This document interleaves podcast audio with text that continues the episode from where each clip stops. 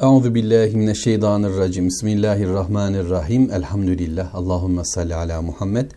Eşhedü en la ilahe illallah ve eşhedü enne Muhammeden abduhu ve resulü. Sözlerin en güzeli Allahu Teala'nın kitabı olan Kur'an-ı Kerim. Yolların da en güzeli Hz. Muhammed sallallahu aleyhi ve sellemin yoludur. Rabbimizin izniyle Furkan suresiyle söze başlıyoruz. Yani Furkan suresinin bize söylediği sözleri anlamaya başlıyoruz inşallah. Kur'an-ı Kerim birbiriyle bağlantılı sureler olarak önümüzde. Dolayısıyla bir ayeti böyle kopartıp tek başına anlamamız pek de mümkün olmuyor.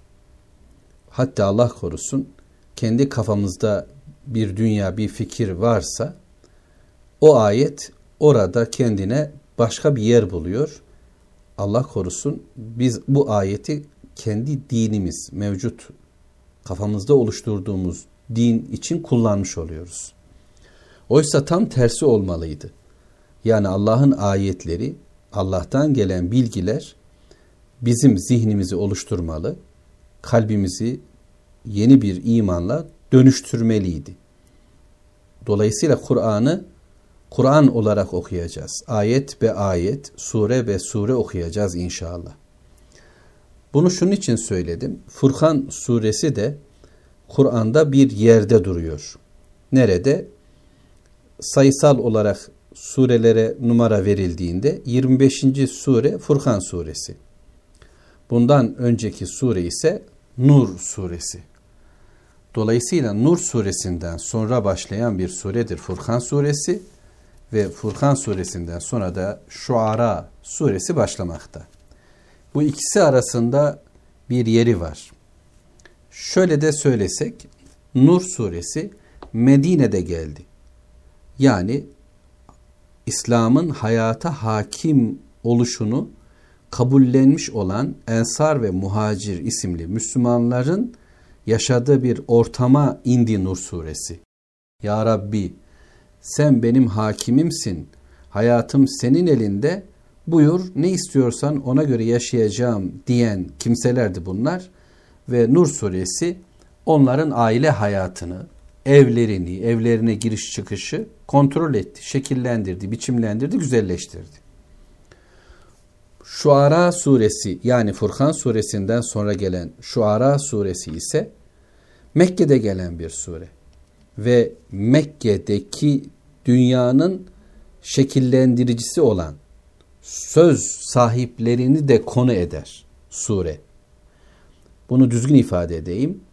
Şuara suresinde peygamber aleyhisselamlar anlatılır ve onların kavimleri tanıtılır ve bu kavimlerin peygambere karşı olan, peygamberlerine olan sözleri, itirazları, oturttukları, hayatlarını oturttukları temeller bize gündem yapılır ve onların yıkılışları, yok oluşları da söylenir ve son bölümde şairler konu edilirken aslında insanları yani Mekke dünyası Peygamber sallallahu aleyhi ve sellemin hayatı için konuşuyoruz.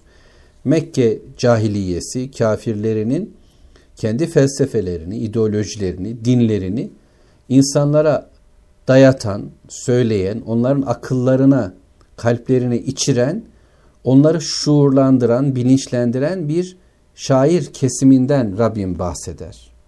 Ve bu sure bir bakıma İslam'ın karşısındaki söz sahiplerini de tanıtarak bize yol verir. Şimdi bu ikisinin arasında Furkan suresi. Bir tarafta nur, aydınlık, yol, bir tarafta şairler, bir tarafta Allah sözü, vahiy, bir tarafta insanların ürettiği, söylediği dünya. Ve ikisinin arasında hak ile batılı fark etmemizi sağlayacak bilgilerin merkezi Furkan suresi diyebiliriz. Dolayısıyla Kur'an'ın bütün surelerinin konumlarını bu şekilde canlandırmamız zihnimizde mümkündür. Bir de bu sure Furkan suresi yine Mekke'de geldi. Şu Ara suresi gibi.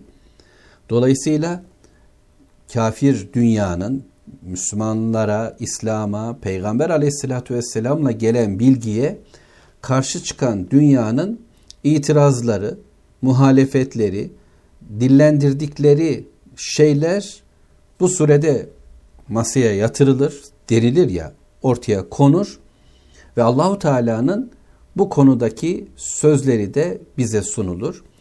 Bir bakıma özgür bir şekilde. İşte şu ideolojilerin, şu dinlerin, felsefelerin söz ve söylemleri Allahu Teala'nın sözü. Tercih size ait.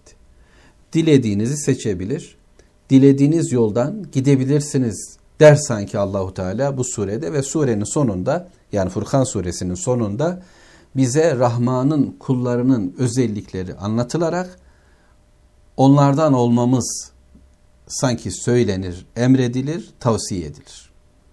Şimdi surenin başındayız ama surenin ilk ayetini okumadan önce Nur suresinin son ayetini okuyalım ki bağı, bağlantıyı daha bir güçlü kurmaya çalışalım. Nur suresi 64 ayetlik bir sureydi ve son ayeti şöyleydi. Ela inne lillahi ma fis semavati vel ard kad ya'lemu ma entum aleyh yurcaune ileyhi feyunebbiuhum bima amilu vallahu bi kulli şeyin alim. Meali okuyorum. Dikkatli olun. Göklerde ve yerde olanların hepsi Allah'ındır. O üzerinde bulunduğunuz şeyi elbette bilir ve ona döndürülecekleri gün yaptıklarını kendilerine haber verecektir. Allah her şeyi bilendir. Bu ayet-i kerimede ne anlatılıyor? Anlayabildiğimiz kadarıyla Allahu Teala bütün bir sureyi söyledikten sonra diyor ki durun ve dikkat edin. Bakın ne yapacaksanız yapın. Aileyi mi konuşuyorsunuz? Ekonomiyi konuşuyorsunuz? Eğlenceyi, düğünü, derneği mi konuşuyorsunuz? Bu eğitim nasıl olmalı diye mi düşünüyorsunuz? Hastalık, sağlık mı konuşuyorsunuz? Yani probleminiz, derdiniz, içinde bulunduğunuz hayatla alakalı neyiniz varsa bunu Allah'ın istediği şekilde düşünmeniz gerekir. Neden? Çünkü inne lillahi ma fis semavati vel ard. Göklerde, yerde olan her şey Allah'ındır. Hepsi Allah'a ait iken gök ve yer arasında yaşayan ey insan sen niye başka bir renk ararsın kendine? Başka bir yol ararsın? Ve Allahu Teala duruşunu da durumunu da içinden geçenleri de sahip olduğun fikirleri de bilmektedir. Kad ya'lemu ma entum aleyh. Ne üzerindeysen. Ve bir de bu bilen Allah ve yevme yurcaune ileyh. Dönüşümüz de ona olacak. Ona döneceğiz. Fe yunebbiuhum bima amilu ve yaptıklarını haber verecek insanlar. Amellerinin karşılığı ne olacak? Evet bu dünyada özgürce insanlar istedikleri gavurlu yapabilir. Ya da istediği Müslümanlığı tercih eder. Ama bir gün kıyamet var, hesap var ve Allahu Teala bu hesaba bizi çekecek. Ya Rab sen bizi o gün mahzun etme. Vallahu bi külli şeyin alim. Allah her şeyi bilmektedir. İşte her şey göklerde ve yerde her şeyin sahibi olan Allah. İçimden geçenleri ve durduğum noktayı bilen Allah. Beni kıyamet günü yeniden diriltecek, hesaba çekecek, yaptıklarımı bir bir verecek olan Allah. Bir bir her şeyi bana anlatacak olan Allah. Yani ki her şeyin bilgi sahibi olan Allah dendikten sonra Bismillahirrahmanirrahim. Rahman, Rahim Allah adına. Hayatı Allah adına, bilgiyi Allah adına öğreniyoruz öyleyse. Merhametin sahibi Allah adına dünya ve ahiret merhametinin tüm kazancı, birikimi ancak onunla kazanılır. Bunu bilerek Allah adına okuyorum ki Tebârekellezî nezzelel furkâne alâ abdihi liyekûne lil âlemîne nezîrâ. O Allah öyle mübarektir, öyle yücedir, öyle bir Allah'tır ki nezzelel furkan. Furkan'ı indirdi, Kur'an'ı indirdi. Hakla batılı birbirinden ayırt edecek olan bu kitap bilgisini indirdi. Ama kime ala abdihi kulu Muhammed sallallahu aleyhi ve selleme kuluna niçin? liyekune lil alemine nezira. Alemler için bir uyarı olsun diye. Bütün insanlığa, bütün alemlere bir uyarı olsun diye. Kur'an-ı Kerim'de Tebareke ile başlayan iki sure var. Bunlardan birisi Mülk suresi. Orada Allahu Teala mülkün sahibinin kendi olduğunu ifade eder. Bütünüyle Malik Allah'tır. Her şey onun elindedir. Dolayısıyla dilediğine mülkü verir, dilediğinden alır.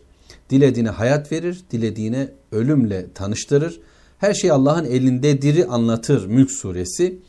Burada ise Furkan suresinde ise Allahu Teala Furkan'ı, Kur'an'ı indiren olarak kendini tebrik etmekte ve bizim de Allahu Teala bu şekilde tebrik ederek sen yücesin Allah'ım, sen bütün bereketlere sahipsin Allah'ım çünkü maliksin, mülk senindir ama aynı zamanda bu mülk üzerinde nasıl yaşayacağımın bilgisini de bana sen verirsin demekteyiz.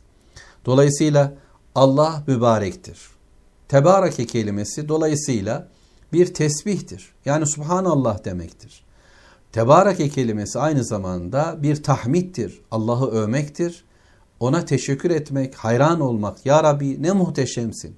Ya Rabbi bu nimetler ne kadar güzel, ne kadar gerekli ve tam yerindedir. Ancak senin övdüğün övülür demektir tebareke.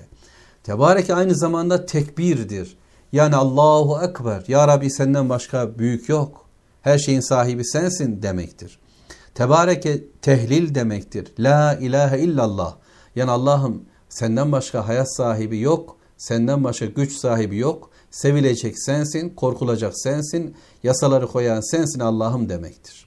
İşte biz bu sureye böyle bir dua ile Rabbimizi mübarek kabul ederek ancak bereketin de ondan geldiğini kabul ederek başlıyoruz inşallah. Rabbim başlangıcımızı bereketlendirsin. Velhamdülillahi Rabbil Alemin. Allahümme salli ala Muhammed.